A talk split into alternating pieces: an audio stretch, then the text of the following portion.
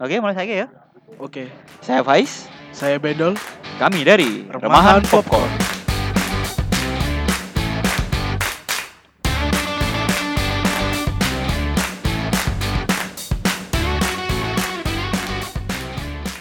Yuk, selamat datang di Remahan Popcorn. Oke, hari ini episode kali ini kita akan me- membahas tentang film film Jepang ya, Ya, ya. Ngom- berjudul Like Father Like Son. eh, ngomong-ngomong ini episode kedua kita ya?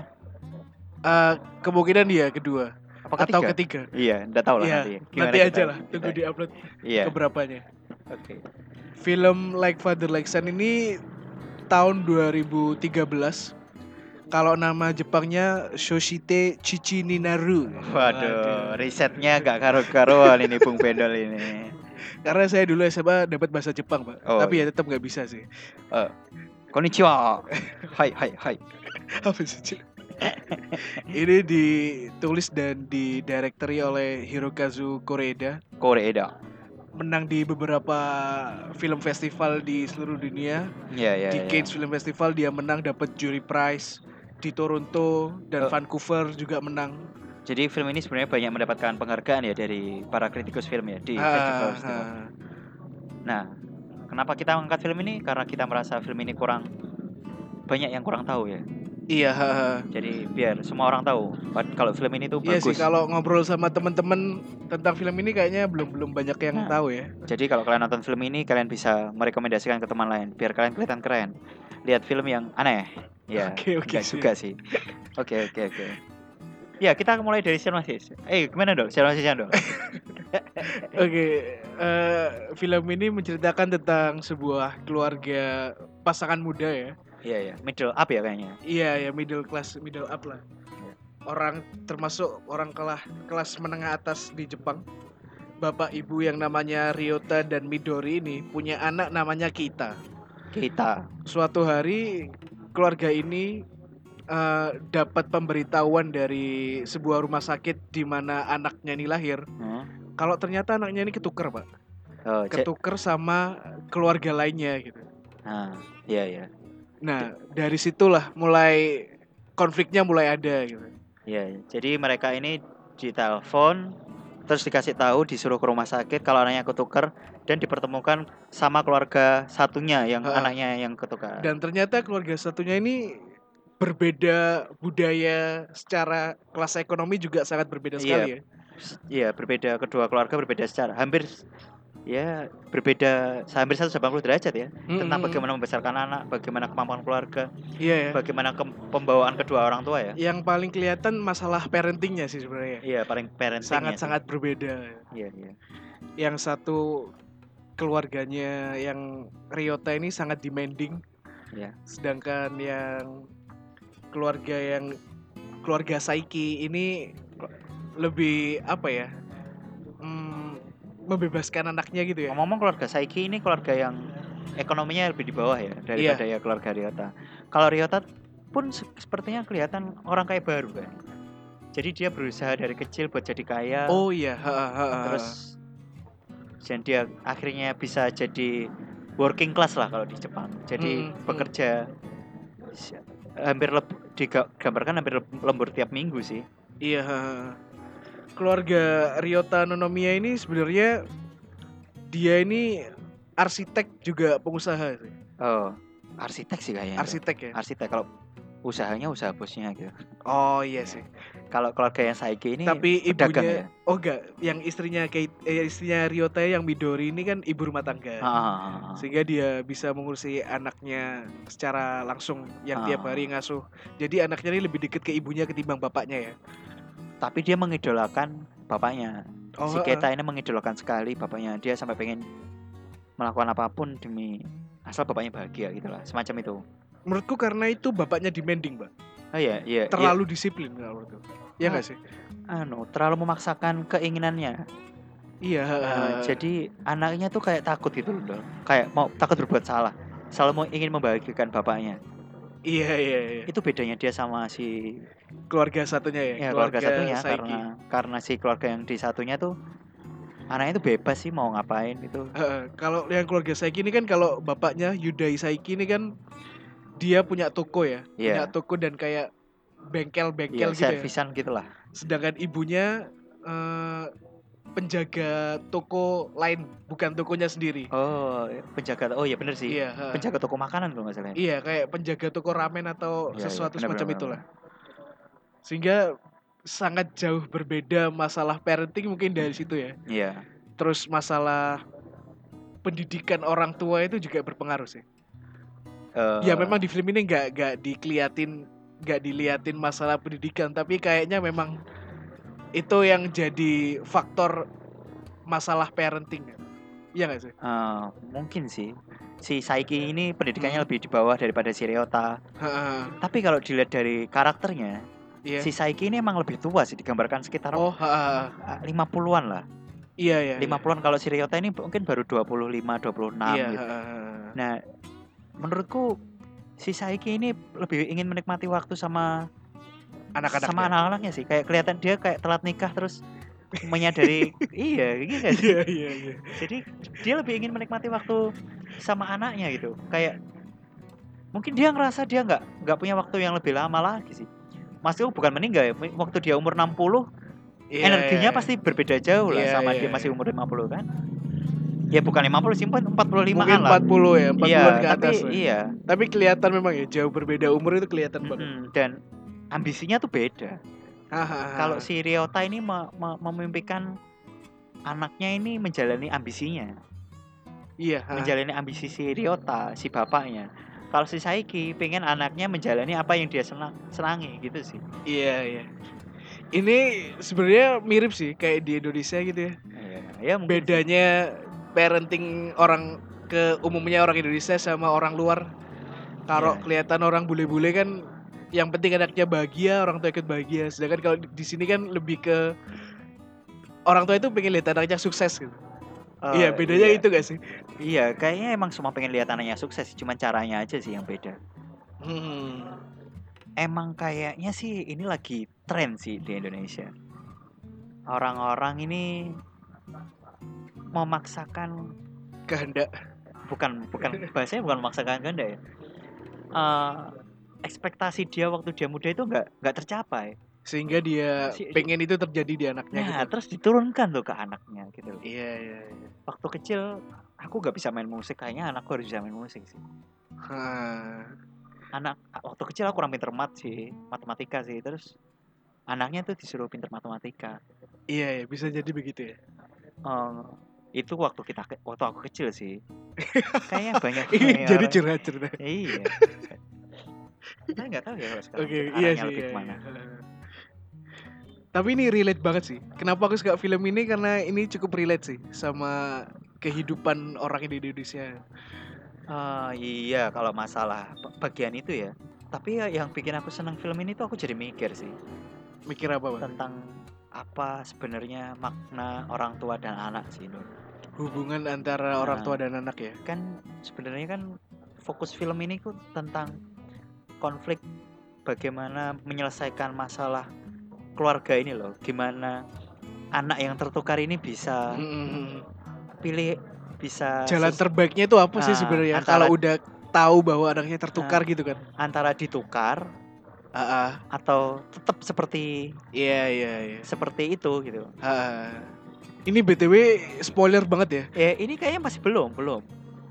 Ini masih sinopsis kayaknya. Menurutku ini banyak spoilernya Oh, iya sih.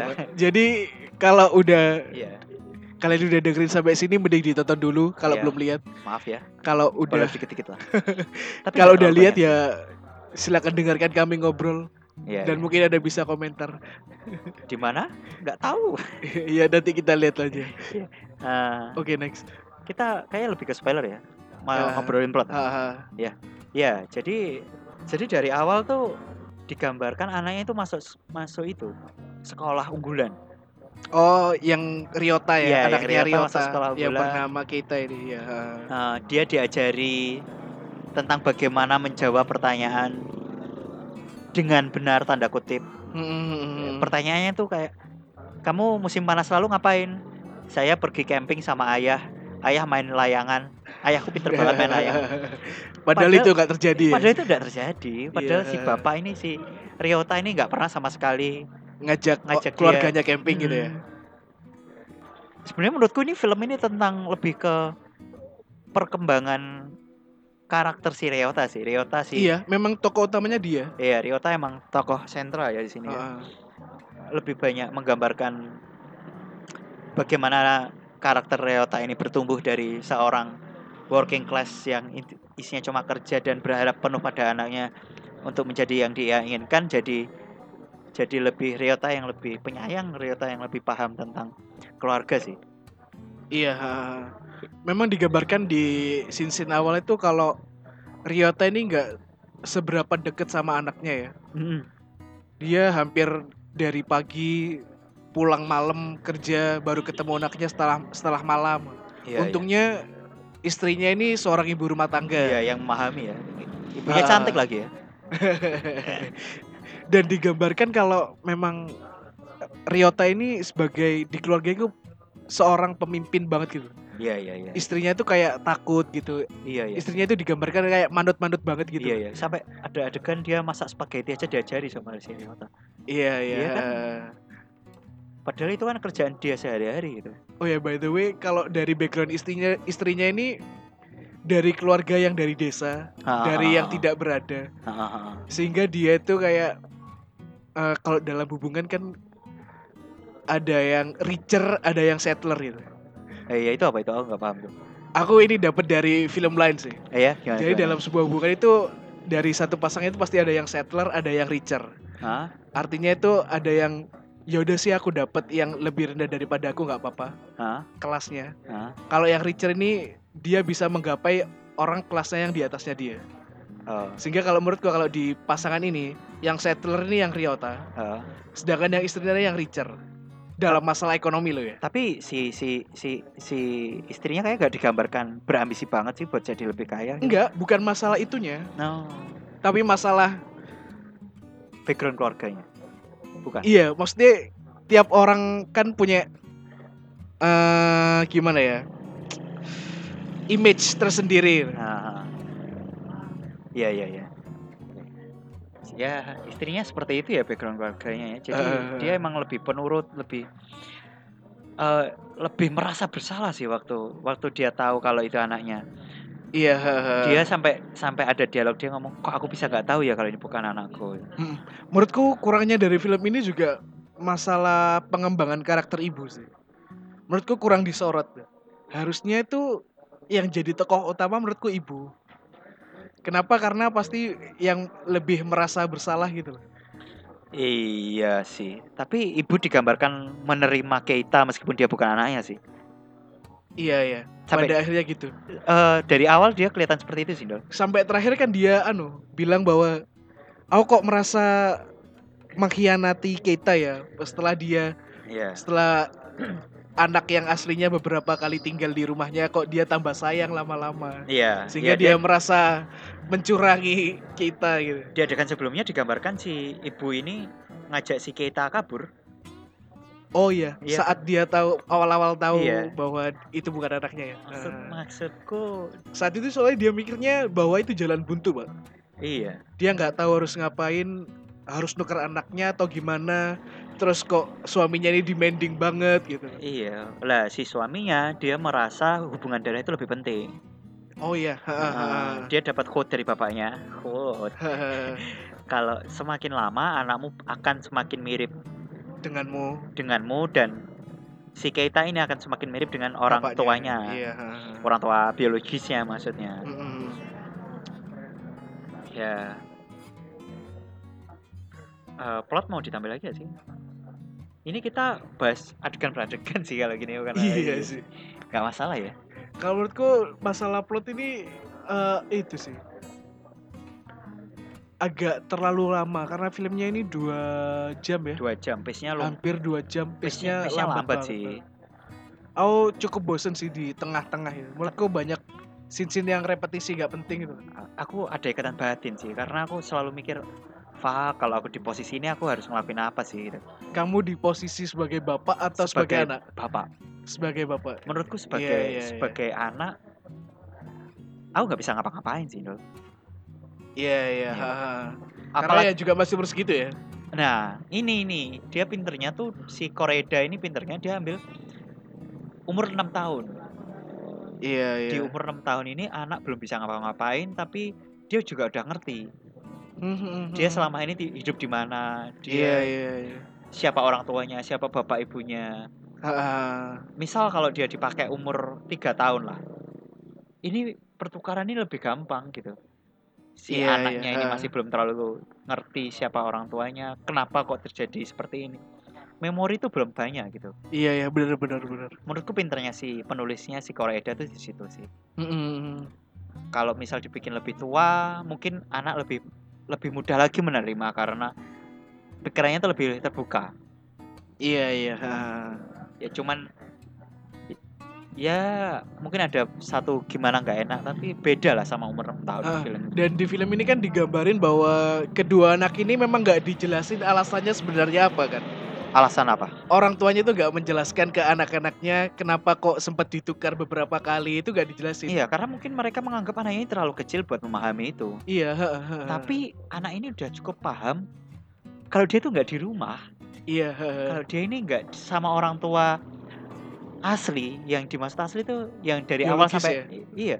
Kalau dari awal sampai dari 0 sampai 6 tahun ini yang dia besarkan itu gitu loh. Jadi yang mereka anggap orang tua asli ya orang tua yang membesarkan mereka selama ini, bukan orang tua biologis. Hmm, hmm, hmm, hmm.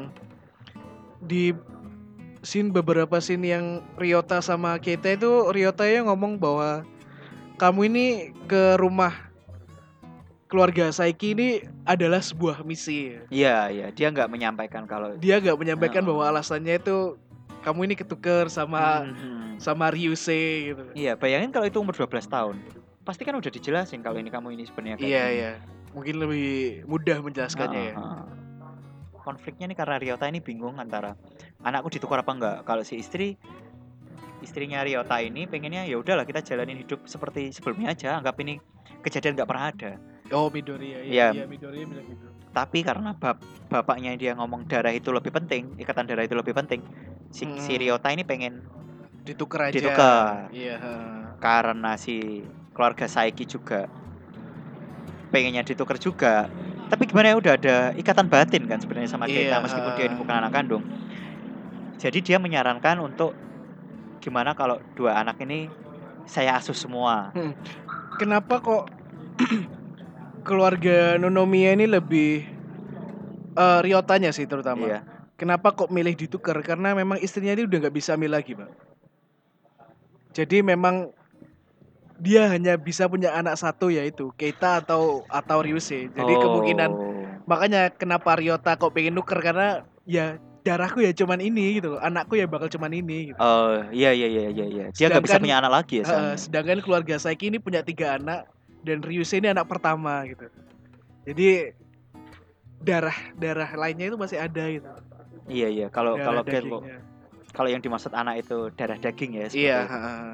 Tapi sebenarnya si Ryota ini punya punya konflik juga sih di masa kecilnya tentang keluarga. Mm-mm. Ibu bapaknya ini ibunya bukan ibu asli dia, Iya. tapi dia juga nggak pernah nyebut ibu itu ibu. Mm. Dia selalu panggil nama. Ibu biologisnya nggak digambarin sih itu Iya. meninggal atau cerai atau Iya. gimana ya. Cuman yang ada itu ada ibu tiri. Nggak ngerti kenapa si Ryota ini nggak nggak pernah merasa akur ya sama nggak pernah merasa dia ini ibu. Tapi padahal ibunya kelihatannya adem loh. Iya. Kelihatannya ibunya baik, bapaknya yang kelihatan nggak baik malah. Bapaknya si Ryota ini yang kelihatan agak Bapaknya lebih anu sih. otoriter ya kayaknya. Iya. heeh. Orang yang tough gitu loh maksudnya. Orang yang keras berwatak keras gitu. Nah, balik lagi ke saran Ryota buat nuker nuker Hmm. eh, dua anak tadi jadi asuhan Ryota. Gimana Hmm. menurut Mundol itu, Ndol? Iya sih waktu itu ada scene yang ada agak awkward sih sebenarnya. Ya, Waktu itu Ryota bilang bahwa gimana kalau ke ini ngomongnya ke keluarga Saiki ya. Gimana kalau dua anak ini tak asuh aja.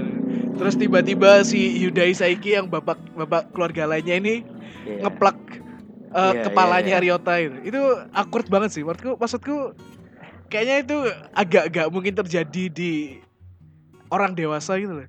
Eh, untuk iya. hal semacam itu. eh, yang dimaksud ngeplak ini kayak megang kepala tapi pelan tapi agak keras ya. Iya, nampar lah ya. tapi nggak keren, ya. nggak nggak kenceng dong. Iya, tapi itu awkward, Pak. Maksudnya kayaknya nggak mungkin gitu loh. Kamu ngelakuin itu ke orang lain Eh, yang baru dikenal beberapa hari ya. iya, kalau menurutku bakal lebih kalau itu bukan keluarga Saiki ya, Heeh. Itu bakal lebih kenceng sih, ngantem kalau Iya, karena itu iya, iya. merendahkan harga diri. Iya, iya, iya. Tapi mungkin pikirannya Pak Saiki ini ah seperti ini aja cukup untuk mengingatkan. Pelan aja gak usah kenceng. Iya, iya. Eh, lebih Noel sih. Noel, iya, Noel siap, di kepala. Siap, siap. Jadi ya seperti itu. Oh ya, aku yang nggak paham itu di scene-scene awal. Kenapa? Kenapa? Ada beberapa repetisi scene itu beauty shot jalanan gitu. Iya gak sih? Di tol, Oh iya sih. terus di jalan. Itu aku nggak tahu itu maksudnya apa sih. Kayaknya mungkin direkturnya itu ada maksud tertentu gitu. Kok itu diulangi beberapa kali sampai lebih dari tiga kali mungkin. Wah, aku nggak ngerti. Beauty shot Aku jalanan. nggak terlalu memahami sih ya. Tapi mungkin jadi mikir sih sekarang aku. Heeh. Tapi mungkin itu menunjukkan jarak sih, Dol. Iya, iya. Kalau- mungkin ya. Kalau keluarga ini terpisah jarak yang lumayan jauh sih. Yang nggak cuma dari Surabaya ke ke Surabaya yang lain, utara ke selatan gitu enggak. Iya, iya, tapi mungkin ini dari lebih kota, ke iya, ke ya. kota lain yang perlu menempuh waktu 2 3 jam gitu sih mungkin. Mm-mm. Di awal-awal juga banyak sini yang tanpa dialog ya. Iya. Kayak yang waktu itu di mobil si Ryota sama Midori itu. Yang dia lagi nunggu kereta lewat tiba-tiba Ryotanya merasa agak mangkel gitu, Bu. Tahu bahwa anaknya tertuker gitu. Eh, oh itu ada anu sih, Dol. Ada adegan bapaknya tuh ngomong, "Oh, aku tahu sekarang." Iya, heeh. Dia ngomong itu karena dia tahu, dia ngomong itu karena dia merasa tahu, dia merasa punya alasan kenapa Keita ini nggak punya kompetensi seperti dirinya. Iya, heeh, heeh. Nah, dari situ juga ibunya ngerti kalau Ryota dari awal tuh pengen nuker Iya, anaknya. anaknya. Heeh. Memang dari awal kayak sudah kecewa gitu ya. Heeh. Hmm. Si Ryota ini kayak menyalahkan ke Midori sih. Kenapa ini? Kok bisanya nggak Iya, tahu kok bahwa kamu ini itu ngerti. kalau bukan anakmu gitu. ya. Heeh, mereka ini ya kayak si Ryota nyalahin Midori, tapi Midori pun ngomong kalau waktu itu kamu nggak di sini. Di mana kamu waktu aku melahirkan? Iya, ya iya. Ryota kan nggak di itu ya. digambarin bahwa waktu itu Oh. Ryota memang tidak menemani istrinya melahirkan ya. Heeh, Yang ya nemanin Ry- malah mertuanya ya. Iya, Ryota malah nggak. Ya, ya udah Ryota nggak bisa ngomong apa-apa kan. Iya, haha. Iya, jadi gitu ya. Si Ryota nggak bisa nyalahin dan se- sebenarnya nggak bisa disalahin. Oh, sebenarnya ada yang bisa disalahin dol. Apa? Mereka ini tertukar karena suster rumah sakit yang sengaja nuker kan. Oh iya. Jadi si suster ini punya background keluarganya tuh ya itu. Dia punya anak tiri dan dia ngerasa anak tirinya ini nggak bisa menerima dia gitu ya. bukan dia kayak nggak nggak nggak bisa bonding gitu loh sama anak tirinya. Iya. Nah, terus jahatnya dia ingin orang lain merasakan hal itu. Iya. Nah, itu terungkap di pengadilan sih akhirnya. itu menurutku kurang kuat sih alasannya itu menurutku. Alasan buat akhirnya berbuat sejahat itu ya. Iya, haha. iya sih menurutku. Itu jahat banget sih, Pak. Tapi waktu di pengadilan juga kenapa dia ditanya waktu dia ditanya kenapa kamu nuker dua anak ini Mm. Dan dia bilang sejujurnya ya. kayak ya karena sengaja saya karena sengaja. sengaja. Dan kenapa sekarang kamu mengakuinya? Karena sekarang anakku bisa menerimaku apa adanya. Iya. Dan ha, begitu juga sebaliknya. ha, ha. Dia merasa ikatan darah itu sebenarnya nggak nggak ada artinya. Ha, ha, ha, ha. Dan yang yang sekarang ada itu dia menyesal karena telah melakukan itu. iya, ha. Makanya dia mengakui hal itu. Akhirnya juga Ryota bisa mulai memahami karena Ryota sempat ke rumah si suster itu ya. Iya, ha, ha. Dan anaknya tuh membela ibunya ya. iya kayak ya darah itu bukan segalanya lah. Dan- Ngomong-ngomong masalah acting, Iya. menurutku acting yang Keita ini agak kurang sih, Pak ya. Iya. bridgingnya kita perlu belajar lagi. ya. Iya. Gak apa, gak apa. Iya namanya juga baru. Iya, iya. Agak-agak awkward gitu loh. Atau memang dibuat seperti itu ya? Soalnya kalau yang Nah, Ri- yang Ryuse ini kok ya menurutku agak lumayan natural sih. Iya, mungkin karena memang menurutku karena iya aku ngerasa seperti itu juga sih sebenarnya.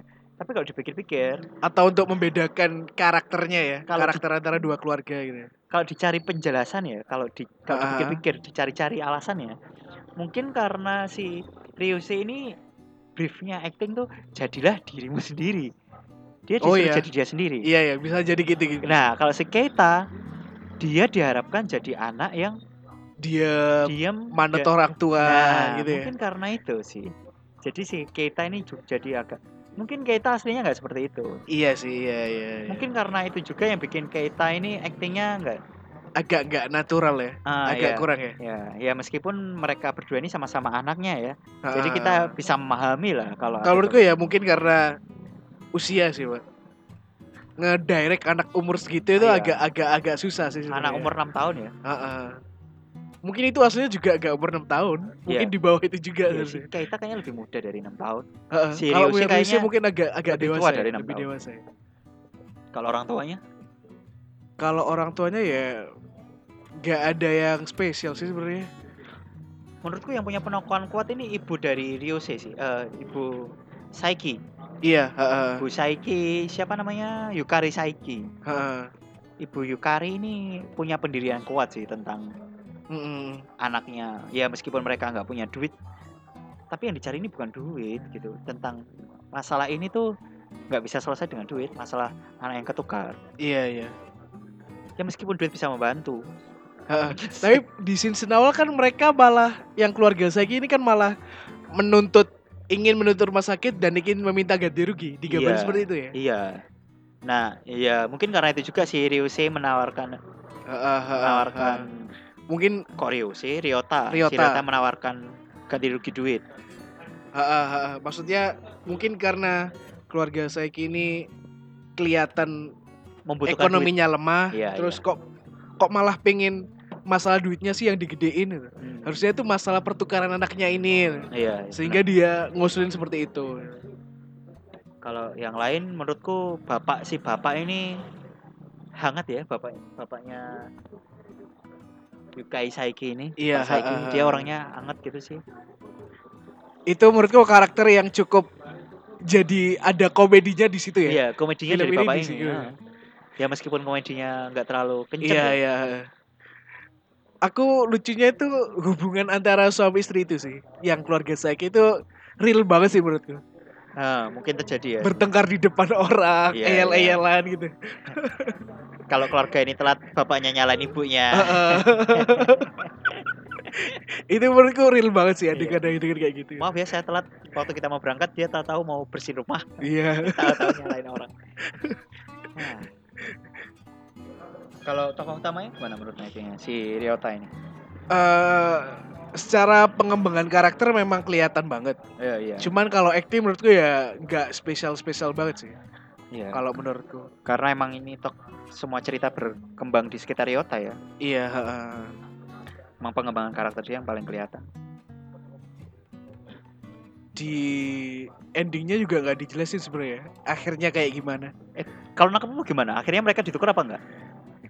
Kayaknya enggak sih. Kalau di ending seperti itu kayaknya enggak. aku juga nangkep mereka enggak ditukar sih. Heeh. Mereka Soalnya di Nah. scene akhir kan yang Ryota ini minta maaf ke Keita kayak gitu. kita ya. Karena Keita ini merasa dicampakkan oleh Ibunya ya. Ryota dan Midori gitu. Eh, emang ada Waktu satu ditukar satu semingguan dialog gitu ya. yang agak subtle sih. Nggak terlalu kelihatan, tapi Ah. kayaknya ini emang nggak jadi ditukar. Oh gitu ya. Iya, Waktu minta maafnya itu. sebelumnya itu sebelumnya. Oh sebelum itu ya. Heeh. Eh, akhirnya tapi nggak dijelaskan sih. Ya memang gak dijelasin sih sebenarnya. Eh, Feelingku sih mereka hidup jadi keluarga besar sih. Dua keluarga ini jadi satu keluarga. Iya iya. Jadinya iya. seperti itu. Heeh. Ya. Yang scene minta maaf itu juga agak awkward sih. Maksudnya dialognya Keita itu menurutku agak terlalu dewasa. Ha. Tidak untuk anak seumuran itu. Iya. Waktu Ryota ini minta maaf ke Keita, Keita itu dialognya menurutku agak agak terlalu dewasa. Eh, itu di scene awal juga ada sih dol kayak ibunya ngomong ke si ibu Midori ini ngomong ke Mhm. Ryota gimana kita kelihatan dewasa kan men umur 4 tahun men eh 6 tahun men Hmm. dewasa dari mana gitu coba itu itu dialog yang menurutku agak agak misi dari film ini Iya. ada iya. beberapa iya jadi aku jadi mikir apa apa kultur orang Jepang itu seperti ini atau ini dialognya yang nggak pas ya Atau mungkin subtitlenya sih, Pak. iya iya iya Kita masalahnya lihat subtitle Indonesia gitu. Iya, dan apalagi ini film Jepang ya, jadi kita nggak bisa mencerna bahasa. Iya, heeh. kalau bahasa Inggris mungkin kita lebih lebih ngerti ya. Ya, meskipun dikit-dikit gitu ya. Bener sih, bener. Mungkin itu agak translatean kasar mungkin ya. Iya. Kita juga nggak tahu sebenarnya yang dia omongin aslinya apa. Soalnya Penakatsuki nggak nggak Iya. ngeluarin. Karena emang ini film nggak terlalu terkenal sih. Iya, iya. Oh iya. Menurutmu kalau masalah tema ini gimana, Dol? Iya sih. Istimewanya film ini ya karena tema yang diangkat sih sebenarnya. Ya, jadi buat- Orang itu bisa jadi mikir gimana hubungannya keluarganya sama orang tuanya sama anaknya gitu. Iya sih. Kenapa film ini bagus ya? Karena menurutku kalau orang lihat ini bisa relate gampang relate gitu loh. Iya. Hal ini tuh bisa terjadi di mana saja, kapan saja, kepada siapa pun gitu loh. Eh, Kamu bisa relate ke menjadi orang tuanya, menjadi Ryota atau jadi anaknya yang ditukar gitu. Kamu jadi bisa mikir jadi dua karakter di situ gitu loh, Pak. Iya, iya. Setelah lihat. waktu film ini main aku selalu mikir gimana apa yang akan aku lakukan kalau aku ini Jadi Ryota bapak sih. gitu ya? Iya. Kalau Iya. aku cuma jadi anak ya ya ya udah emang keliru ya. Iya ya nggak bisa udah melakukan ya. apa pun. Ha, ha, ha. Tapi kalau kamu yang jadi bapak, jadi ibu itu mungkin bahkan mikir beberapa kali ya. Ah, ah, jadi mikir Iya ya, sih, ini sebenarnya ya, permasalahan pelik banget sih. pelik. Mungkin ini juga terjadi di sekitar kita ya. Kita nggak akan pernah tahu. Ha, ha. Tapi Kayaknya pernah kejadian, Pak ya. iya di film-film itu. Enggak yang di real Oh, di sinetron. Oh. Iya iya. Kebetulan banget sih tadi tadi siang tuh. Ha, ha. Tadi siang aku lihat YouTube itu. Bridging kita mulai masuk, bridging kita mulai masuk. Di YouTube. Oh, dapat Iya. dari YouTube tadi. Iya, jadi di tadi tuh di YouTube tuh baru tadi siang sebelum Oh, ha. sebelum aku berangkat record ini. Jadi ada kembar, kembar di Kolombia, Kolombia. iya di Am- A- Amerika Selatan itu loh. Iya. ha. Jadi dua pasang bayi kembar ini ditukar. Hmm? Nukernya bukan dua-duanya ditukar. Jadi misal punya anak A AA sama BB. Jadi pasangannya AB AB.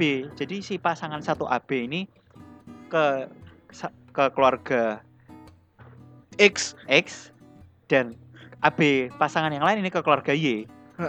Nah, tapi mereka ber- dibesarkan di keluarga yang Berbeda, Berbeda jauh ya. kayak cerita ini sih emang. Kalau jauhnya sih nggak secara ekonomi ya karena yang si X ini tinggal di kota tapi cuma sebagai pembantu lah kalau di sini. Oh, ha. Kalau yang satu itu di desa di desa. Tapi emang secara basic pendidikan kurang yang di, banget. Yang di desa ini kurang. Kalau orang tuanya profesinya? Kalau orang tua yang di X ini kayaknya petani deh, enggak enggak Oh, yang di desa petani ya? petani. Nah, mereka ini baru ketahuan kalau ditukar tuh 24 tahun dong. Umur 24 tahun. Herannya kok dari bayi ke orang tuanya nggak tahu ya. Maksudnya kok beda banget gitu loh. Eh, kenapa kok anaknya kembar ini tapi mukanya beda ya? Heeh, heeh. Nah, dianggap itu kan wajar ya kayak kembar nggak identik atau gi- Tapi jenis kelaminnya empat mereka berarti sama. sama sama-sama cowok. Oh, kirain beda cewek cowok kan mungkin kalau kembar cewek cowok kan kemungkinan bedanya lebih lebih gede Iya, gitu, iya, iya, ketimbang iya. kalau cowok-cowok gitu. Iya iya benar benar benar benar juga sih. Heeh. I, tapi ketahuannya itu unik juga. Heeh. Waktu yang di desa ini kerja di kota. Heeh, salah satu anaknya. Heeh. dia kerja di Bacer. Bacer itu Itu anak yang asli dari keluarga Y atau anak yang ya? Waduh, dari aku, keluarga X? an- aku nggak nggak nggak tahu ya. Pokoknya salah satu anak itu kerja di kota lah. Oh, heeh. Nah, dia kerja di tukang daging. Mhm. Nah, suatu hari temannya si yang kerja di kota itu ketemu sama anak yang di desa ini. Loh, kamu kok kerja di sini? Kamu kan kerjanya di akuntansi gitu. Eh gitu. Heeh, jadi awalnya tuh sebenarnya dari situ dong. Kirain temennya padahal ternyata bukan gitu. Heeh, tapi ini panjang kejadiannya, hampir 1 sampai 2 tahunan lah. Oh, heeh. Ya, jadi dia baru ngomong ke temannya yang asli kalau aku ketemu orang yang mirip kamu. Mirip Ya, banget mungkin Iya, ya. mirip-mirip banget. Terus akhirnya sampai kedua orang ini ketemu, Eh, belum ketemu sih, dia lihat Facebooknya Iya, heeh. dan si yang dari desa ini foto sama kakaknya, Heeh. yang kembarannya, Heeh. kembarannya dia gitu. Wah, gila sih. Ya, akhirnya Gila, diajak gila, ketemu dan lain-lain. Akhirnya baru ketahuan kalau mereka ini sebenarnya ditukar waktu kecil. Ditukar itu sengaja ditukar oleh orang lain atau Wah, gimana, Pak? itu itu aku tadi enggak sih, kayaknya enggak enggak sampai ke segitu sih. Oh. Yang kasihan ibunya yang di kota ini udah meninggal 4 tahun yang lalu. Oh, iya iya. iya. Jadi mereka nggak bisa ketemu ibunya asli. Hmm. Itu sih yang bikin kasihan. berarti ini udah umur tua ya? Oh, 24 tahun mereka baru ketemu ini.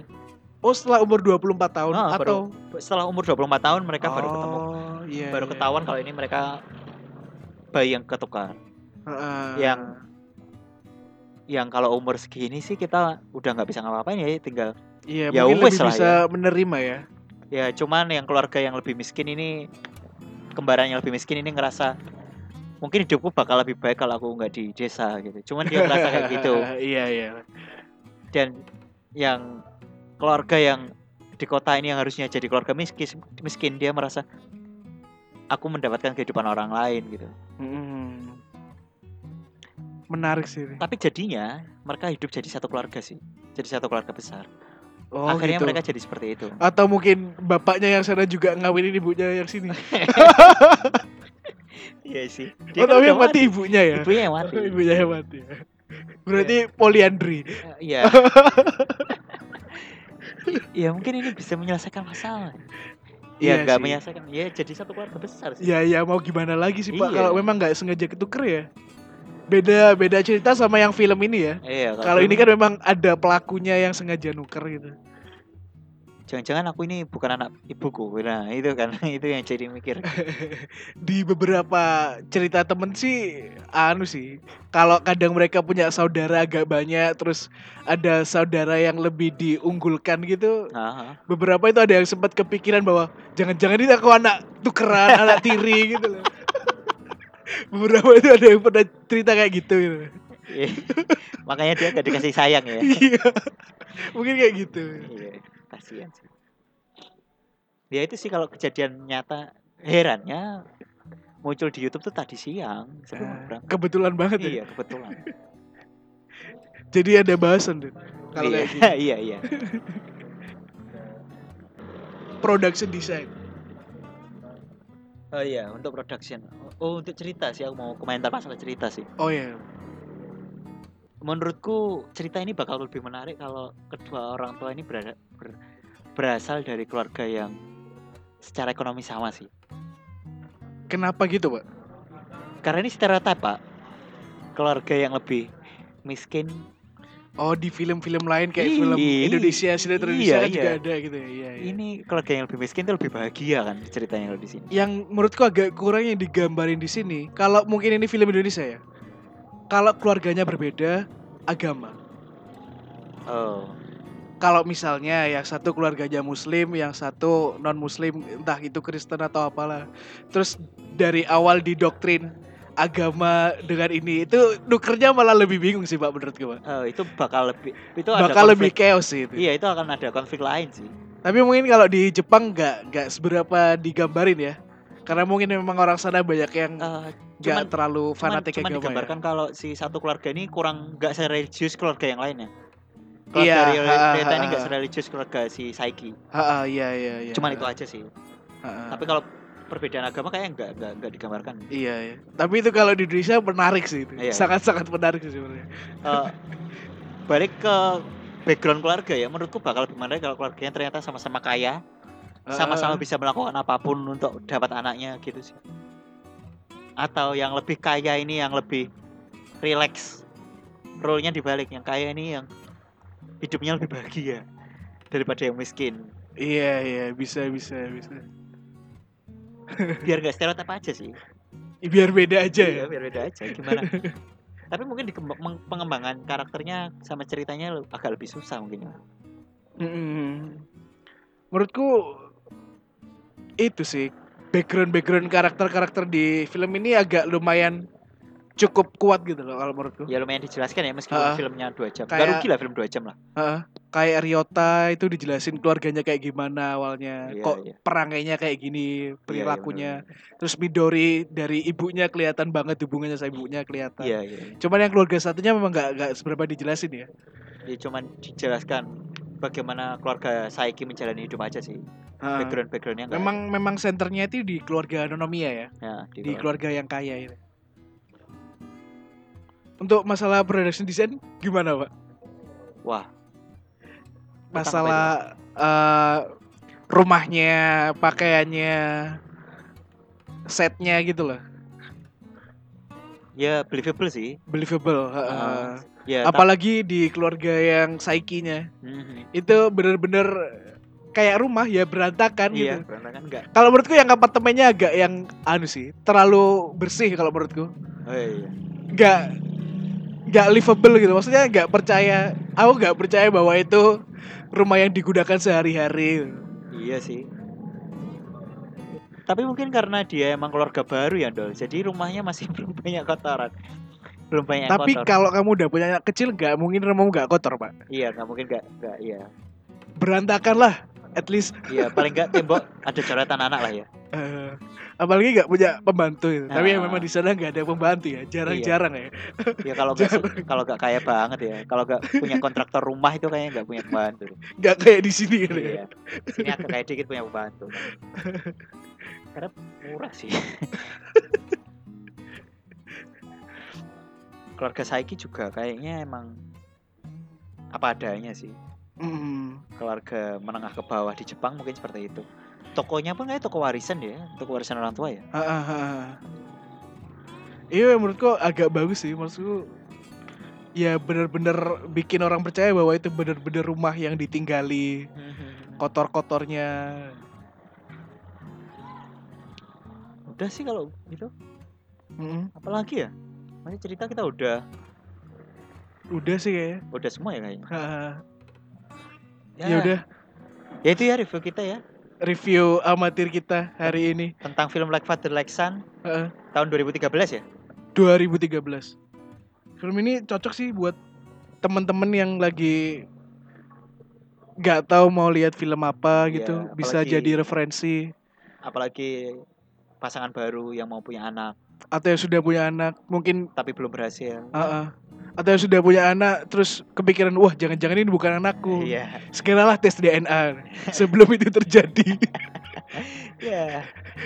Iya sih. Daripada kalian nonton anakku bukan anakku di Indosiar kan mending nonton ini ya? Iya iya iya. Siap siap.